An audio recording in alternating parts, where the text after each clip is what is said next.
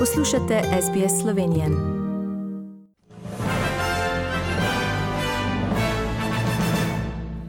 Ministr za zdravje Greg Hunt je potrdil, da lahko od ponedeljka dalje vsakogar, ki se poskuša vrniti v Avstralijo iz Indije, čaka petletna zaporna kazen. Kdor ne bo spoštoval zakona o biološki varnosti, lahko dobi 66 600 dolarjev globe, zapora ali oboje. To se lahko spremeni 15. maja, ko naj bi odpravili prepoved letov med Avstralijo in Indijo. Ukrep je bil sprejet potem, ko sta se avstralska igralca kriketa kljub prepovedi potovanja vrnila domov preko Dohe. Letalo s potnico z Kukovih otokov, ki 14 dni pred vstopom na Novo Zelandijo ni šla v karanteno, je iz Oklanda pristalo v Pertu. Iz Air New Zealand so sporočili, da gre za potencijalno kršitev mehurčka Trans-Tasman. Potnica je bila na letalu NZ-175 in ni bila upravičena do potovanja v Avstralijo brez karantene. Zahodnoavstralske zdravstvene oblasti pravijo, da je potnica trenutno v karantenskem hotelu v Pertu in da bo morala opraviti test. Na vzhodu Afganistana je sinoči odjeknila silovita eksplozija avtomobila bombe, ki naj bi po različnih informacijah terjala od 15 pa do 30 in več življenj, na desetine je ranjenih. Število žrtev bo verjetno naraščalo. Odgovornosti za napad zaenkrat ni prevzel še nihče.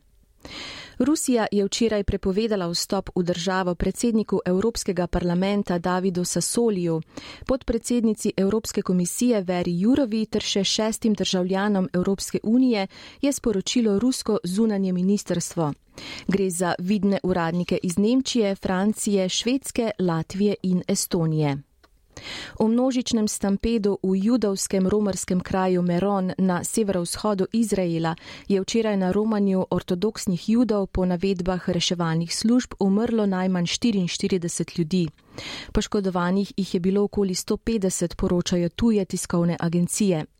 Policija je Davi začela preiskavo vzrokov dogodka, začela pa se je tudi identifikacija žrtev.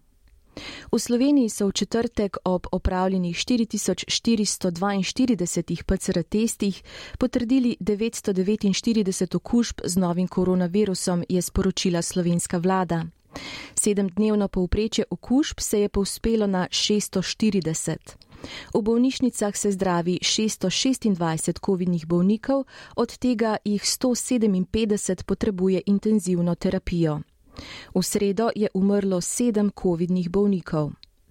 Slovenski zunani minister Anže Logar in njegov japonski kolega Tošimico Motegi sta se po včerajšnjem srečanju v Ljubljani zauzela za poglobitev sodelovanja med državama, tako na gospodarskem kot političnem področju. Govorila sta tudi o Zahodnem Balkanu in Indo-Pacifiški regiji. Današnji mednarodni praznik dela bo zaradi ukrepov za zajezitev epidemije COVID-19 brez množičnih prvomajskih praznovanj. Sindikati so tako že v prejšnjih dneh pozvali k boju za varnejše zaposlitve, varna in zdrava delovna mesta, socialno varnost in dostojno starost. Kljub epidemiji bodo ponekod ob upoštevanju ukrepov godbe zadonele budnice.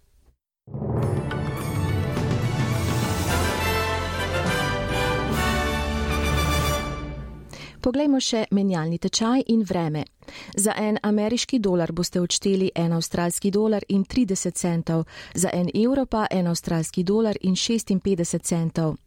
Poglejmo, kakšno bo jutri vreme po večjih mestih Avstralije.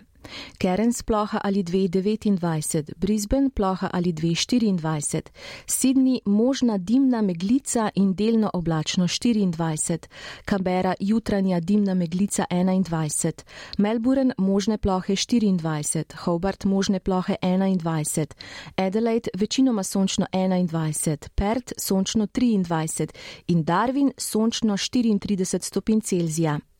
Vreme po Sloveniji danes.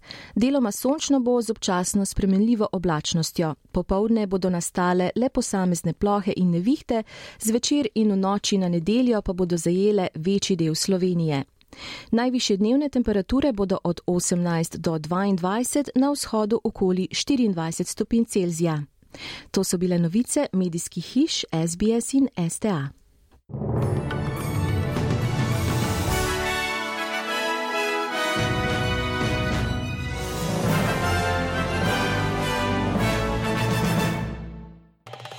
Želite slišati sorodne zgodbe? Prisluhnite jim preko Apple ali Google podcasta, preko aplikacije Spotify ali kjerkoli drugje.